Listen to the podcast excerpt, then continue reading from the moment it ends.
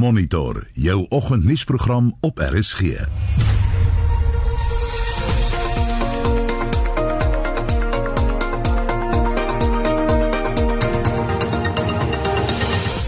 ons program Duisende Pendelaars kan vanoggend gisterand wees weens 'n taxi-staking in Gauteng. Toxics will be shutting down the operations as from Monday. We felt very strong that uh, the 1.1 billion that is giving out to the taxi operators, it's our slap in our face. Tatoeëerkunstenaars moes tydens die inperking hulle ateljee's se deure sluit en ons praat met die sektor oor die swaar tye wat voorlê. In ander nuus, die voormalige president F.W. de Klerk het hom onttrek aan 'n gesprek oor ras en minderheidsregte by die Amerikaanse Advokaatvereniging se jaarvergadering weens druk van aktiviste en akademici. Goeiemôre, ek is Anita Visser. En ek is Gustaf Greiling. Welkom by Monitor. Dis 11 minute oor 6 is ingeskakel by Monitor op RSG en 'n oorsig oor die koerant voorblaaie van Maandag die 22ste Junie. Die burger vandag regering swyg oor COVID-19 bedrog. Die werkloosheidsversekering se geld is gebruik. Die departement van arbeid sê niks nie oor die sowat 6 miljoen rand se bedrog met WVF geld. Beeld sê twee vas na moord op paartjie in 'n skietery in Pitfontein hoop vir familie na dubbele tragedie. En ook 'n mooi foto op Beeld en Volksblad vandag van die gorilla operasie wat 'n eerste is in Suid-Afrika en dit na 'n groeisel uit Makoko van die Johannesburgse dieretuin se neus gehaal is. Business Day vandag SA will need foreign capital business says. Hulle waarsku dat die regering nie sy begroting gaan kan befonds net uit plaaslike besparing nie en dit in aanloop tot Tito Mboweni se aanvullende begroting wat Woensdag gelewer word wat genootsaak is deur al die ekstra besteding aan die COVID-19 krisis. En dan internasionaal op bbc.com 'n 25-jarige terreurverdagte van Libië is vas na die mesmoord op drie Britte in 'n park in Reading buite Londen. Die verdagte was glo aan MI5 bekend en hy het verlede jaar op hulle radar verskyn. En dis vinnige oorsig van vanoggend se nuus. Gustav van mense wat belangstel in Makoko die mm. gorilla hoe dit gegaan met die operasie. Ons praat in diepte met professor Gerard Steenkamp so kwart voor 7 se kant so bly ingeskakel vir daai onderhoud. Intussen talle restaurante en besighede in die Gamtoosvallei in die Oos-Kaap moes hulle deure sluit of ander planne maak om te oorleef te midde van die inperking en elders in Suid-Afrika lyk die prentjie nie goed nie. Daar is daar 'n hoop vir besighede wat naby aan nasionale parke en natuurreservate geleë is.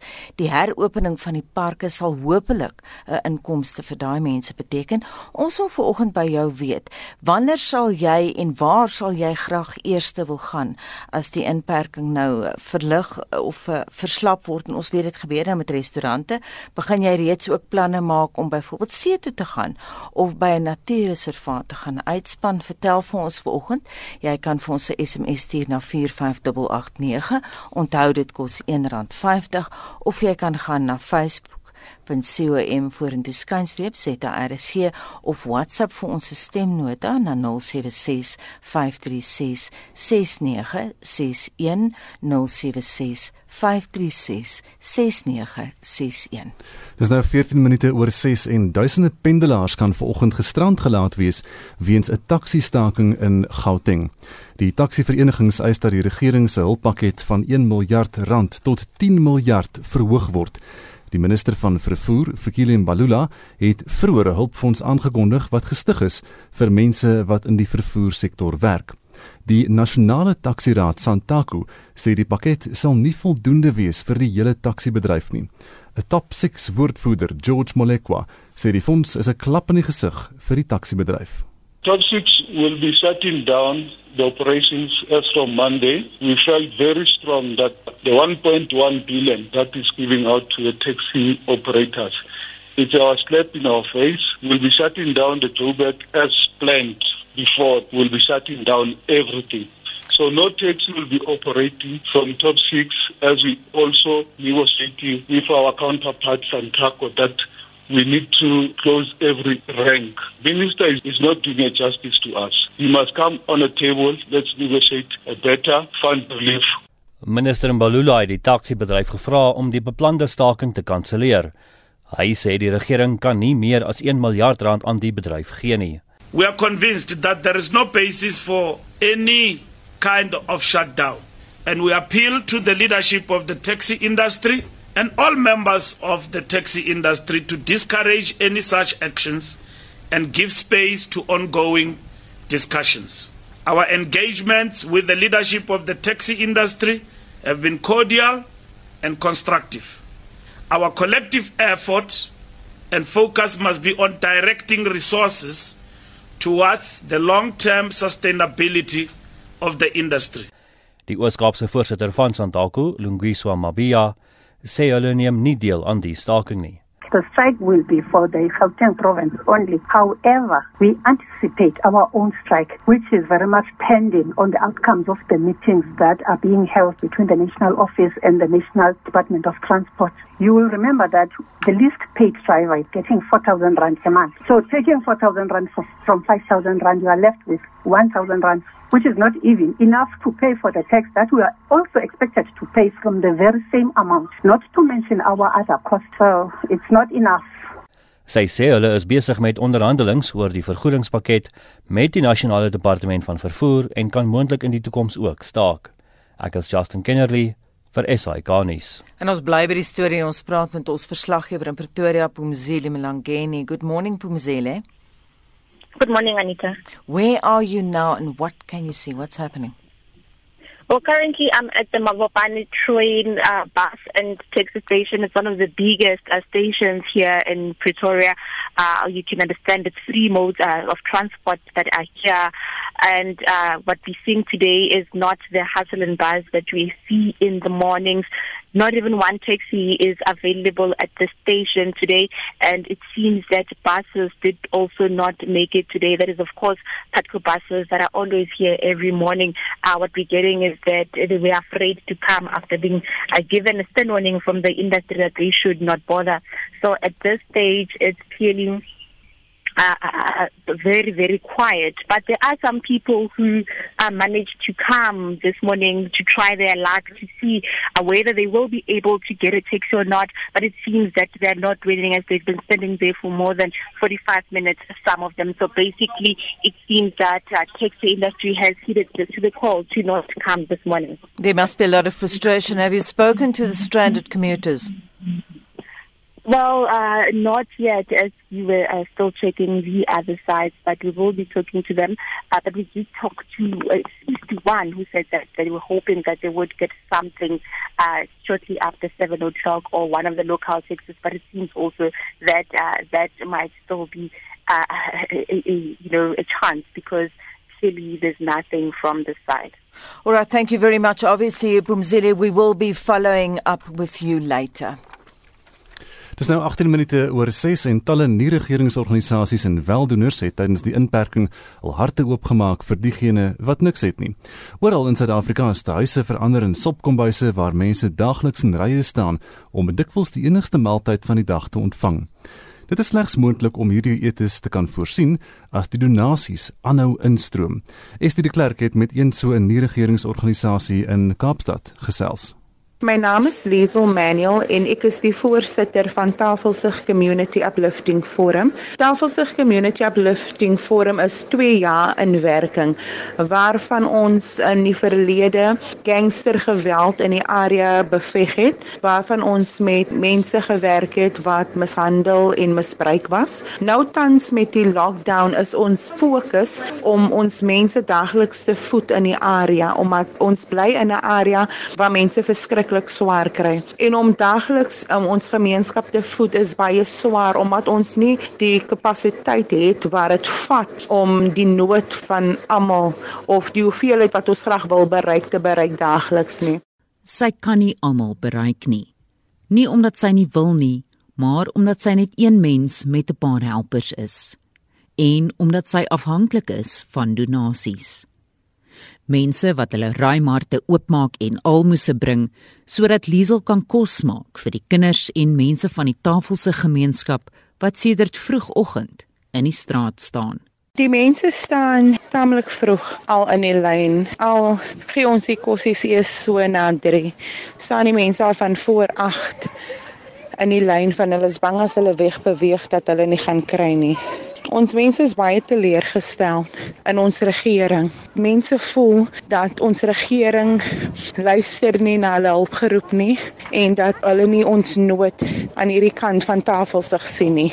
So mense is baie ontstel en teleurgestel in die regering. Ons doen maar elke dag net ons bes om die ou mense, die kinders, die gemeenskappe in, in geheel en al kossies te gee. Maar ons het help nodig. Daardie boodskappe van Liesel het ons vroeër in Mei in 'n storie oor weldoeners uitgesaai. Dit was vir haar moontlik om elke dag kos te voorsien aan tussen 300 en 350 mense. Maar hierdie week kom 'n ander boodskap. Ons het die 16de van hierdie maand ons laaste kosvoorraad gebruik en die hongermense wat in rye voor haar deur staan, daag maar elke dag weer op, sê Liesel. Die mense staan in die rye, nog van die 16de af elke dag is hulle buite op soek na kos, verwagting dat ek vir hulle iets kan gee om te eet. Ek verduidelik aan hulle dat ek tans op soek is na donasies en ek vra dat hulle uitbuit, maar hierdie mense is so honger. Hulle sê vir my, "Liesel, jy's die enigste een hierso wat vir ons iets gee om te eet, wat die kinders iets gee om te eet. Want toe gaan ons nou help." Ek dink die kindertjies as hulle my sien in die straat dan skree hulle antilisel gaan ons vandag kos kry. En ek dink dit is hartbrekend omdat ek graag hierdie gemeenskap wil voed soos ek in die verlede gedoen het, maar ek sukkel met 'n donasie kry en ek weet regtig nie meer wat om vir hierdie mense te sê nie. Daardie boodskap van Liesel Manuel van die Tafelsig Community Upliftment Forum. Ek is Estie de Klerk vir SAK nuus. 622 in die sakeverslag word nou aangebied deur Chris Weemeyer van PSC Wealth Pretoria. Oosmôre Chris. Goeiemôre Anita. Vrydag aand in Amerika het die uh, Dow Jones aanvanklik sterk oopgemaak en toe het Apple net aangekondig dat hulle van hulle winkels moet toemaak as gevolg van 'n stygings in koronavirus gevalle en die Dow Jones sak om 600 punte laer maar die sluitingstyd verloor net 208 punte en sluit op 25871. Die S&P 500 verloor 0,6% en die Nasdaq styg uh, met 0,1%. Ehm uh, in Amerika en vanoggend in die ooste sien ons maar net in Japan en Nikkei kans 0,2% hoër en Australië die mark 0,3% sterker en in Hong Kong is die mark nou net marginaal laer. Nou van die aandele wat uh, Suid-Afrikaners volg in die buiteland sien ons vanoggend 10 sent weer op 'n nuwe rekordhoogtepunt verhandel tans 2,26% hoër, BSP Billiton 1,6% sterker en Sasri 3% hoër. So dit uh, gee ons aanduiding dat ons mark vandag sterker gaan oopmaak. Dan uh, die goudprys vanoggend uh, half persent hoër op 1752 dollar per uh, fyn ons platinum op 819 dollar per ons en die Brent olieprys dan so op 42 dollar per vat die rand uh, vanoggend op R17.33 vir Amerikaanse dollar. Die euro kos jy nou R19.40 en 'n pond nou op R21.44. Ons het 'n redelike besige week uh, hierdie week. Woensdag gaan minister Tito Mboweni die hersiene begroting aankondig en uh, ons verwag dat uh, die fiskale tekort hierdie jaar by 15% gaan draai. Staatsskuld uh, moontlik gaan styg na 80% van BBP toe. So ons gaan maar moet sien wat hy Woensdag aankondig en dan maatskappyresultate. Ons sien vandag Telkom wat hulle jaarresultate bekend maak. RMB Holdings uh, verwag ons handelsopdatering vandag. Dinsdag Peregrine Holdings wat hulle jaar voljaarresultate bring en dan Woensdag Bright en Donderdag Mr Price wat ook voljaarresultate bekend gemaak. So daar's jou wat wat ek uh, later in die week oor gaan praat. Anita, dis af van my kant af vandag baie dankie. Dit dan vanoggend se sakeverslag aangebied deur Chris Wemeyer van PSC Wealth Pretoria Oos. En nou is dit al 25 minute oor 6. Jy luister na Monitor op RSG. Haarsalonne en ondernemings wat persoonlike sorg lewer, mag binnekort weer oopmaak. En wat min mense weet, is dat tatoeëerkunstenaars ook hul ateljee se deure moes sluit. Hulle mag nou ook oopmaak, maar vir baie is dit te laat. 'n Paar kunstenaars het die groep Tattoos Unite SA gevorm wat 'n veldtog begin het om die sektor te heropen. En ons praat nou met Derek Baker van Metal Machine Tattoo in Kaapstad en ook 'n stigterslid van Tattoos Unite SA en ons praat Engels met Derek. Derek, good morning. Good morning, Gustav. How are you? Fine, thank you. How hard has this lockdown hit the tattoo industry? Oh, it hit us really hard because it's like the, the tattoo industry is a hand to mouth scenario, very similar to the hairdressers. So, being shut for three months has been severely devastating on most of the studios. Like the, the amount of closed is quite amazing. And uh, Derek, how big is this industry in South Africa these days? Uh, it's pretty large. Um, like, let's put it this way: registered studios and artists that we got with Tattoo Unite, we landed up with seventy-five studios with about 480 tattooers all in all. And those were just like the ones that registered for help with us. Over and above that, I'd say we'd more than likely triple the actual number of that just in the purely um, the informal sector of tattooing. Derek, you helped to, to form Tattooers Unite SA and you lobbied the government to allow tattoo studios to reopen. What was their reaction? Um, actually, in the long run, it was actually really good because, uh, like we thought, we like we thought we were going to have a hard time, but uh, after like talking to government officials that we did with the small business, realize, then we came to the realization that the way that they were approaching it was they were going on the economic impact of industries to the country. So, yes, the tattooers and hairdressers would land up being later on in the scenario. Um, they could have done it a little bit quicker, but they they they were basically working on economy first before they were thinking about the people.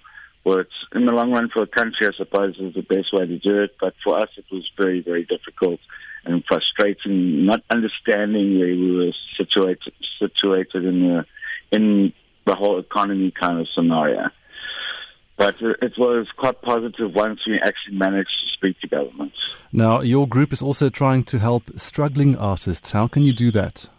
All right. So basically, we set the fund up. We were like theoretically, we needed to re- reach some uh, two million to be able to put to help the guys.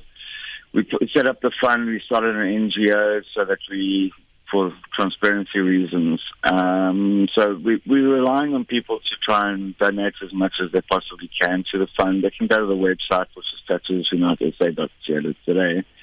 Um, basically, we're giving everybody until the end of the month, and whatever's in the fund, we're paying out equally amongst all the tattooers because we feel sad that we the, we, the support wasn't as good as we were hoping, but you know, the it's it's all free and fair as far as I'm concerned, and everyone, whatever's there left there, what whatever in the fund at the end of the month is going to be paid out. We want to get as much as possible, so that the guys can at least try and pay back some of the debts that have occurred during the period that we've been locked down, because it's been it's been hard. Derek, how will tattoo studios now change their way of operating?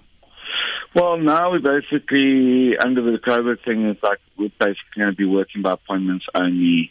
Um, no visitors to the studios. You know, if the studios are too small, they have to have barriers between the workstations. The clients are going to have to get new medical masks when they arrive at the studio, fill out their COVID forms to make sure that for the symptoms, most of us are going to uh, pre-phone all our um, clients the day before that they, their appointments are to double check on symptoms to make sure they're all fine on that side.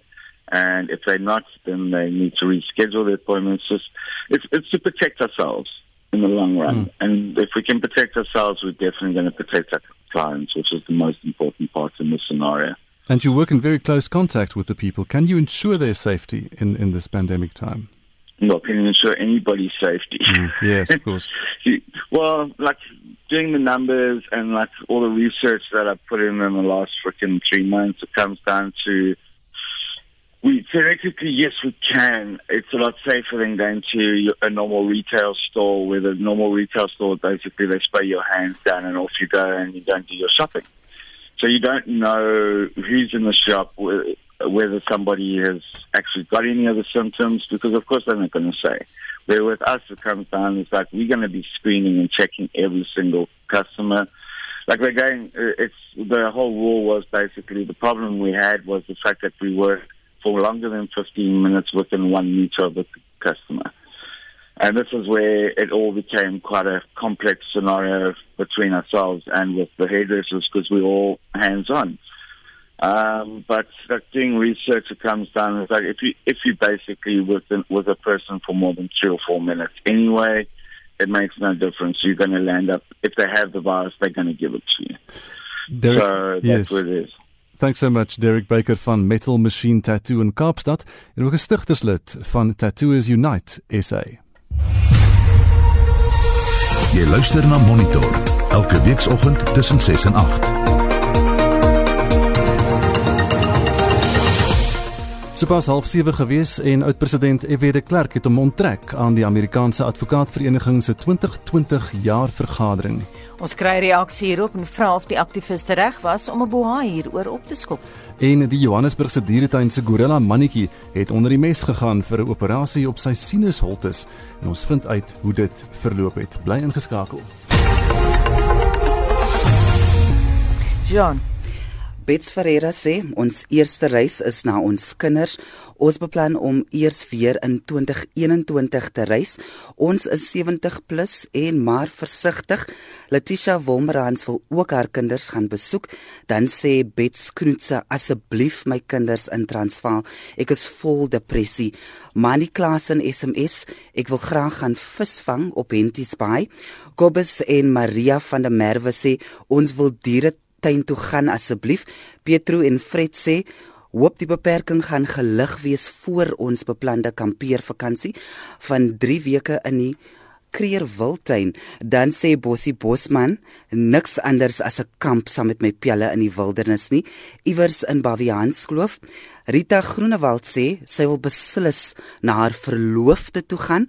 Sy sê hy bly slegs 23 km weg van haar af, maar die grens keer hulle twee. Anton Bester sê ek wil graag saam met die ou mense in ons plaaslike aftreeoord 'n middagete wou geniet. Al is dit op 'n afstand dan sê Heidi Seidle weer dat da ongelukkig het sy nie geld nie vir luxe dinge nie. So asseblief mense SMS ons by 45889 waarheen wil jy gaan eerste as die inperking nou gelig word of verder verslap word Intussen gaan ons na ander stories. Die voormalige president F.W. de Klerk het hom onttrek aan die Amerikaanse Bali se 2020 jaar vergadering. De Klerk is genooi om te praat oor die oppergesag van die reg, rasisme en minderheidsregte. Dit kom na die vereniging 'n aantal briewe van aktiviste, akademici en regslui ontvang het waarin hulle versoek is om de Klerk se deelname te heroorweeg. Nou die seun van een van die Kraddock 4, Lukanyo Kalata het ook sy besware geopper en ons praat nou met hom. Good morning Lukanyo. Ah, good morning. So your father, Fort Kalata, died in 1985 as part of the Kraddock 4. Briefly remind us on what happened back then. All right. Um, so my father was part of a civic organization in Craddock called the Craddock Residents Association. And for a period of about a year, year and a half during uh, 1984 and 85, they continued to, to, to be, you know, have violent clashes with the police almost on a daily basis. So at the beginning of January 1985, the local council uh, stepped down, and that in essence handed power of the municipality in Craddock uh, to the to the people, to the Craddock Residents Association. In essence, that meant that uh, uh, it was the only township in uh, in the country where the the power to govern was was in the people's hands. So it was a, a liberated zone, if I could call it like that. And I think, yes, ma'am. Uh, sorry, carry on, Lucanio. And I think that decision, the fact that the my father and Matthew Goniwe had successfully led a revolution mm. against the National Party, they they just couldn't understand it. So they then took a decision, and there are plenty of there's plenty of evidence of where uh, Mr. De Klerk, who was Minister of uh, uh, of Basic Education and Training at the time, mm. where he sat in on meetings of the State Security Council, and in those meetings, they would discuss what to do about these two teachers who, were in the Eastern Cape that were acting as agitators, according to one minister, Barent Duplessis. And there were calls uh, to permanently remove them from society. Now, all of these things are documented. Hmm. Um, and, and then on the 27th of June, uh, my father, Fort Kalata, and his comrades, Matthew Goniwe, Stelom Shauli, and Sparum Konto, they were assassinated uh, by security forces. Uh, among those was a gentleman called Eric Taylor, uh, Gerard Lotz, Saki van Sale. Uh, um, I, I've just sorry, I've just forgotten the others. Um, but there was another guy there called Eric Winter as well. So, the, you know, we all know that the state had planned and had killed the Craddock Four. Lucanio, would you be interested in one-on-one dialogue with F.W. de Klerk? I'm not sure if I want to have a one-on-one dialogue with F.W. de Klerk because de Klerk has proven himself over the years to be a complete, complete denialist. He will completely deny, obviously, his role um, in, in in the murders of the Craddock Four. I'm not prepared to sit and have a one-on-one dialogue with de Klerk up until he is gives me some assurance that he is ready to, to tell the truth. Because the Klerk has been lying to us ever since. Ever since he's been lying, he has not one day uh, uh, admitted what his role was. And we know that he sat in on those meetings of the State Security Council. But the clerk and, and, and his spokesperson, Dave Stewart, they tell us, oh no, they were never part of decisions. Yet we know that they used to sit in on, on, on meetings of the State Security Council, on meetings of the cabinet, where they used to discuss all of these things. There is documentary proof. I've got some of those documents right here in my house right mm. now. And that's also then why you wrote to this American Bar Association to request they cancel uh, de Klerk's participation. Yes, sir. Uh, you know, I think we, we, we're living in very interesting times at the moment. I think the, the murder of Mr. George Floyd mm. Has has sparked something uh, uh, within the black community around the world, where we are just saying enough is enough. Enough. How many of us have to die before there is a recognition of the value that is in us? How many of us have to die before the white community can realize that we are children of God just like them? Mm. Right? Just, lastly, uh, Lucanio, you were quoted as saying that you wish that the NPA would act as swiftly as the ABA in taking decisions to act to go against those implicated in the murders of the Craddock Four. Do you want to elaborate a bit? Yes, ma'am. At the moment, we are in discussion with the National Prosecuting Authority. We have put the the NPA on notice for them to give us a, a decision on whether or not they plan to prosecute. And they must do so by the 10th of July 2020. If they don't do that, we will go to court to compel them to prosecute the people that were implicated in the murders of the uh, uh, Craddock Four. So that's where we are at the moment. And we are hoping that on Friday, the 10th of July, the NPA will come back and they will say, you know what? Yes, there is enough evidence for us to go ahead and prosecute. Um, and then, I mean, if that happens, it means that we don't have to go to court to go and, and compel the, the, the, the NPA to do the right thing um, so that and you know and we want them because there's evidence of Mr. de Klerk's uh, in, uh, complicity in the murders of the Craddock Four. Once he is charged, we then plan to write a letter to the Nobel Prize International Award, and we will urge them to please reconsider the fact that they uh, uh, uh awarded Mr. de Klerk the Nobel Prize, because by then we can concretely say that here he has been indicted on the murder of, of, of four individuals. Because right now, de Klerk is trying to protect his legacy and trying to show himself off as, as a peacemaker. And we know that de Klerk is, has never been a peacemaker. Mr. de Klerk is a murderer. That is what he is. Lucanio, thank you very much. Lucanio Kalata as die seun van Fort Kalata wat as deel van die Kraddock 4 in Junie 1985 deur die veiligheidsmagte vermoor is. En ons bly by die storie en praat nou met die oud minister en oud menseregte kommissaris Dr Leon Wessels. Goeiemôre Leon. Goeiemôre. Jy het nou geluister na daardie onderhoud. Ons het gehoor uh, dat uh, daar gesê word dat Evie de Klerk is protecting his own legacy en so aan. Hy's 'n moordenaar. Enige reaksie op wat gesê is in die vorige onderhoud? Anita, uh, dit is dit is hoogs emosionele sake hier. Ek dink die vraag wat Lekanja vra, wat wat het met my pa gebeur? Wie het hom doodgemaak? Is is geregverdigde vraag en hy's nie die enigste mens wat daardie vraag vra nie. Gautiro vra wat het van my oom geword en daar is 'n reeks sulke mense en om en om dit af te maak as 'n klomp heethoofde is om die diep emosie geheel in hou te onderskat. Daar's gerespekteerde mense soos Tambeka en Okaitobi, Buzi Pikole, voormalige hoof van die nasionale vervolgingsgesag en so meer wat hierby betrokke is.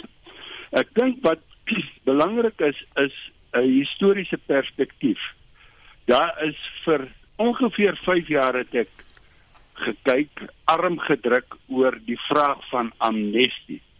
En vir 3 jaar is daar arm gedruk voor die WVK. Die WVK het tot 'n konklusie gekom, die wat nie aansoek gedoen het vir amnestie nie en die wat nie amnestie gekry het nie, moet vervolg word en daardie vraag en daardie armdrukkery rondom hierdie punte duur voort. Nou duidelik het meneer De Klerk nie aansoek gedoen vir amnestie nie omdat hy van mening is dat hy nie 'n uh, enigsins 'n verantwoordelikheid om om hom in 'n strafhof uh, te regverdig nie. Hy hy is duidelik van mening geen saak sal in 'n strafhof slaag nie ten einde te slaag moet jy 'n behoorlike klagstaat hê en jy moet jou saak bo alle twyfel bewys.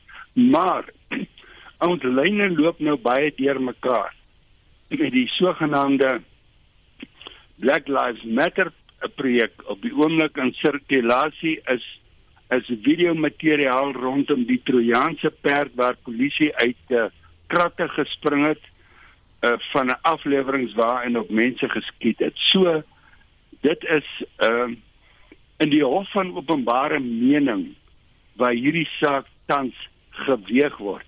Nou mense moet nie vergeet nie dat 21 jaar gelede, reeds so ver terug as 1999, het Desmond Tutu geskryf dat hy 'n ondersteuner was dat F.W. de Klerk die Nobelprys wen. Maar ongeveer 6 jaar nadat hy die Nobelprys toegekend is, skryf 'n Desmond Tutu as ek toegeweet het dit wil sê in 93 toe geraadpleeg is wat ek nou weet dit wil sê in 99 sou ek die toekenning aan Evie de Klerk uh heftig hy sê vehemently uh geopeneer het nou dit is die die dilemma waarmee meneer de Klerk en sy stigting tans worstel is hulle uh, in ontkenning. Is hulle in 'n staat van ontkenning dat hier het gruwelike dinge gebeur. Al was hulle nie daarvoor verantwoordelik nie. En dit is hoekom mense soos Lopanya en 'n reeks ander hmm. uh, se harte verhard. Leon, uh, vertel ek vir ons hoe die staatsveiligheidsraad gewerk. Al die name wat daar op die agenda is wat teenwoordig was in die vertrek, het almal geweet presies wat aan die gang is. Wel, daar het 'n klomp mense uh, was vaste lede op die staatsveiligheidsraad daar's mense op uitnodiging verskyn en daar is notules geskryf en daardie notule waarna Lukanya ver, ja. verwys waar die besluit geneem sou word om hulle uit die samelewing te verwyder uh argumenteer deelnemers in daardie vergadering het nooit geïmpliseer hulle moet vermoor word nie hulle moet verwyder word deur hulle in te perk hoe geloofwaardig dit is, uh, sal later waarskynlik deur hof beslis moet word. Maar dan is daar ook lynfunksie amptenare en meneer de Klerk was nooit 'n minister van polisie of 'n minister van verdediging nie. So sy lynfunksie het nie daardie uh die Kraddock 4 of enige iemand anders vermoor nie. Ek haas my om te sê dat ek absoluut oortuig is dat EW de Klerk is 'n burgerlike hy is nooit deel van die interne 'n veiligheidsmasjinerie gewees nie en dat hy 'n regspersoonlikheid is.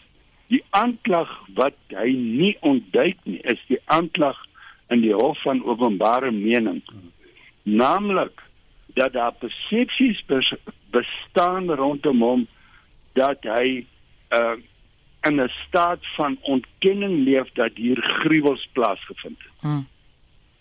Leon, jy was nou baie lank by die Menseregte Kommissie gewees. Ons het vir Lukanya gevra of hy bereid wees om 'n gesprek te tree met Evie de Klerk. Uit jou ervaring, kan daar baie goeie goed kom uit hierdie gesprekke? Ja, sonder enige twyfel. Sonder enige twyfel. Ehm um, maar maar die die afspringplek vir so 'n gesprek moet wees uh openhartigheid om om te sit en te luister en te praat, maar My indruk uh, uit die verklaringe wat die De Klerk Stichting vroeër vanjaar en nou weer uitgereik het, is hulle in 'n veglustige by. En en dit is nie bevorderlik vir goeie gesprek nie. Nou Leon, eh, Dave Stewart skryf in daardie verklaring dat De Klerk genooi is om deel te neem aan hierdie gesprek as gevolg van van sy rol dan nou van die oorgang van 'n wit minderheidsregering na demokrasie. Dink jy hy moes toegelaat gewees het om sy ervaring te deel met, met die Amerikaners? En dit is altyd uh ongelukkig wanneer enige persoon gesensureer word. Maar ek is bevrees. Uh die gebeure vir jaar het tot gevolg dat uh, EW hom toenemend uh in in in die vaartversnellings bevind. En uh hierdie uitnodiging gegeewe die klimaat in Amerika en die klimaat in Suid-Afrika was nie bevorderlik vir 'n rustige gesprek nie. Het Evie de Klerk verander, Leon, soos jy hom ken, van 1990 af tot vandag? Dis 'n baie moeilike vraag wat jy my nou vra, Gustav, want ek ken die Evie de Klerk saam met wie ek gewerk het. Hmm. Ek het nie saam met hierdie Evie de Klerk van vandag gewerk nie, so uh, ek ken hom nie, maar ek is van mening dat geen mens onherkenbaar verander met verloop van tyd nie. Nou EW het hom omring met mense wat duidelik in 'n veglustige by is. Uh en uh, party van hulle spring nou van die wa af en ander sit die dapper stryd voort en dit is waar EW se geloofwaardigheid in spel kom. Hy sal self moet praat. Hy sal homself moet ontbloot en hy sal voor die mense wat hierdie aanklagte teen hom werp moet staan sonder sy sekspersone, sonder sy binnekring, sonder sy Hosanna koortjie en sê hier is ek en weet dit klerk en ek het dit geweet, ek het dit nie geweet nie en ek vra hiervoor om verskoning en ek vra daarvoor nie om verskoning nie.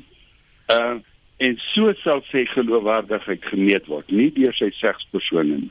Net 'n laaste vraag Leon. Lucanio het nou gepraat van de Klerk en gesê he just wants to protect his legacy. Dis nie die eerste persoon wat sê dat de Klerk toenemend begin dink aan sy nalatenskap nou nie. Uh, maar is dit nie die doel van daardie stigting nie? Om die waardes waarvoor EW de Klerk gestaan het te bevorder en om sy nalatenskap te bewaar nie. So jy kan dit vriendelik uh aanvaar soos wat ek wil of jy kan dit onvriendelik aanvaar soos wat Lucanio doen. En hoe jy met daardie nalatenskap omgaan sal hy uh nie deur sekspersone met praat nie maar hy sal met self praat. Baie dankie en Susie Leon Wessels oud minister en oud menseregte kommissaris. Monitor het Vrydag berig dat die Johannesburg se dieretuin se 34-jarige gorilla mannetjie Makoko Saterdag onder die mes sou gaan vir operasie op sy sinusholtes. Nou bly ingeskakel vir daardie onderhoud 'n bietjie later ons baie reaksie gehad van ons luisteraars op die storie. Dis nou 9 minute voor 7 en Shaun Jooste het eers die sportnuus. Kom ons val weg met van die naweek se sokkeruitslaa.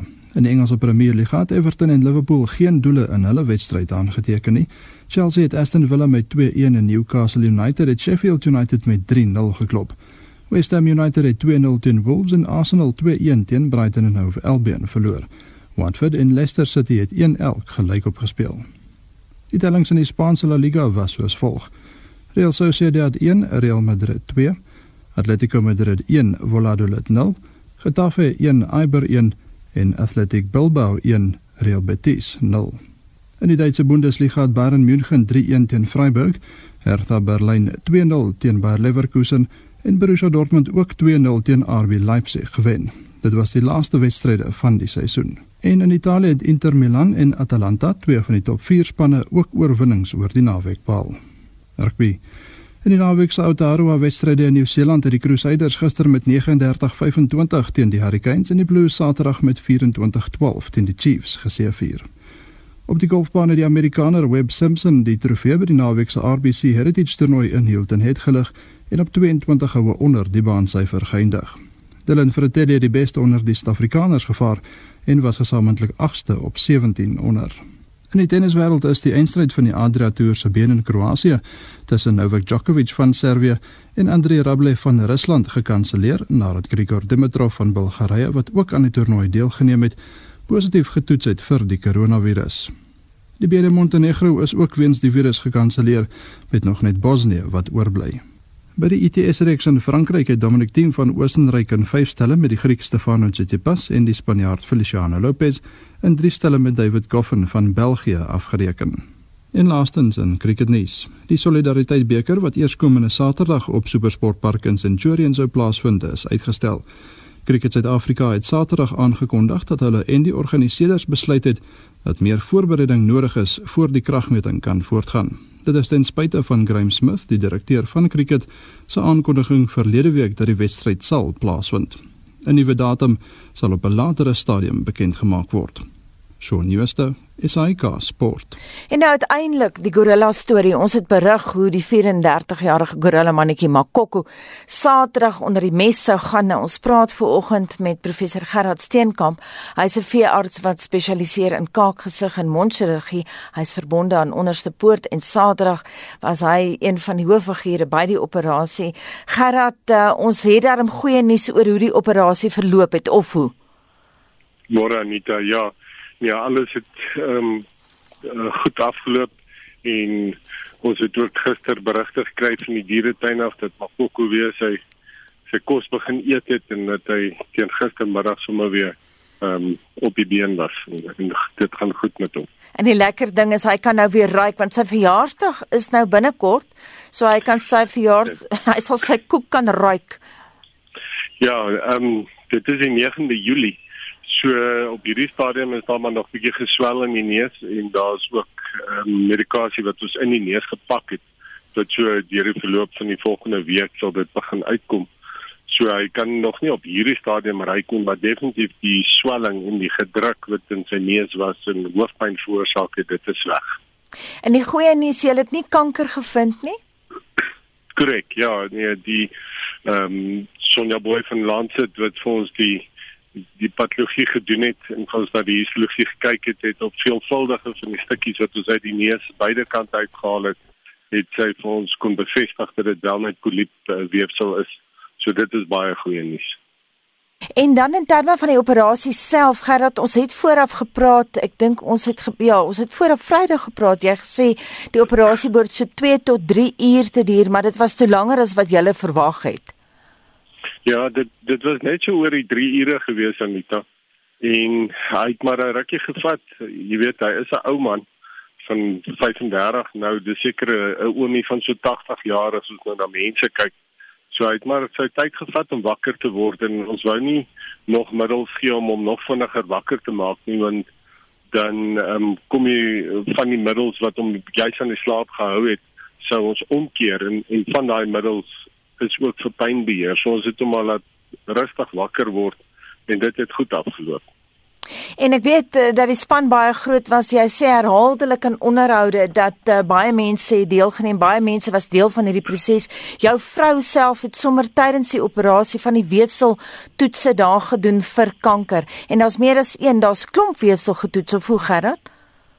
Ja, nee, dit is uh, jy weet 'n mens kan nie 'n operasie soos hierdie doen en deur net enkel en alleen te wees nie. So dit is reg wat jy sê daar's soveel maatskappye wat bygedra het en daar's soveel hande wat nie eers daar was nie. Jy weet die mense wat vir ons al die stelle gesteriliseer het. Dit is personeel wat nooit by hierdie tipe van operasies uitkom nie, maar hulle is so belangrik want as ons nie met stelle werk wat goed gesteriliseer is en nou nie skade kan veroorsaak nie, jy weet dan um, dan kan ons nie suksesvol wees nie. So daar's soveel mense wat nie eens daar was nie, maar op die dag self was daar 'n magdom mense. Ek dink ons was seker 'n span van hier by die 30 mense altesaam. En en ja, my patologie daar te gehad het wat my vrou gedoen het.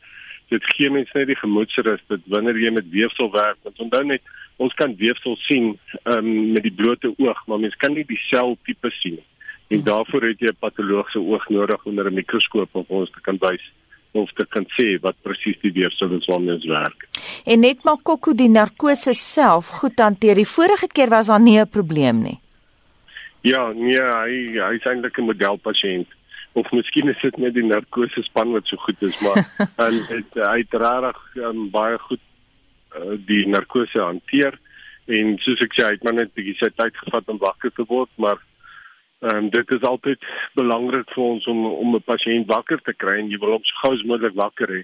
Maar maar in hierdie geval was dit beter dat hy sy tyd gevat het om wakker te word. Ja, maar Coco is nie 'n uh, is nie 'n jong gorilla nie. Hy's 34 jaar oud. Jy het gesê in mense uh tyd is dit omtrent 'n 80 jarige ou oomie, maar sy lewensgehalte vir die res van Makoko se lewe gaan nou goed wees want hy kan nou ruik, daar's nie kanker nie. So eintlik was dit alles baie suksesvol. Dis 'n goeie nuus storie of hoe? Ja, ja, ek is baie bly oor hoe dit gegaan het. En daar is 'n klein kans dat ons oor so 2 of 3 maande dalk net weer in sy sinus kyk ehm um, blykbaar in terme van mense as as jy 'n uh, 'n menspasiënt het wat hierdie tipe van siekte het, is daar maar altyd 'n herspoeling nodig. So ons sal oor so 'n paar maande net weer gaan kyk en seker maak alles is mooi skoon. Maar definitief 'n goeie storie op die ou ende. Nou ons wens julle alle sukses toe. Ek moet vir jou sê Gerard, ons is oorval deur navrae van ons luisteraars. Dit klink my Makoko het baie vriende daar buite gemaak en ek dink mense gaan vir hom kom kuier ook by die dieretuin. Dit dan professor Gerard Steenkamp, hy's 'n veearts wat spesialiseer in kaakgesig en mondchirurgie verbonde aan Onderstepoort. Maar nou gaan ons eers na Jean toe vir SMS terugvoer. Ja, Henny Pialser sê ons planne is om in Lockston te gaan oorbly vir 'n week en 'n paar luisteraars het ook stemnotas gestuur. Ja, ek glo nie ons uh, mense het nie die geld om te gaan lekker vakansie by die see of groot nice restaurante te gaan ondersteun nie. Want uh, ek dink meeste van ons ekonomiese situasie het ook maar verander na die lockdown. As die perke verby is, sal ek laat om dam toe te gaan en 'n braai daar te gaan vang. Caroline Odie op Facebook sê daar is nie geld vir vakansie nie. Die wat dit nog kan bekostig, moet dit geniet. Mariet Visser sou dit laat weet my eerste wegbreek sal 'n kamp wees, lekker en bekostigbaar. Stuur vir ons 'n SMS by 5889. Dis teen R1.50 per SMS. Waarheen sal jy graag wil eers te gaan as die inperking gelig word? Ja, laat vir ons weet hoe voel jy daaroor en dit bring ons by die 7 uur nuus.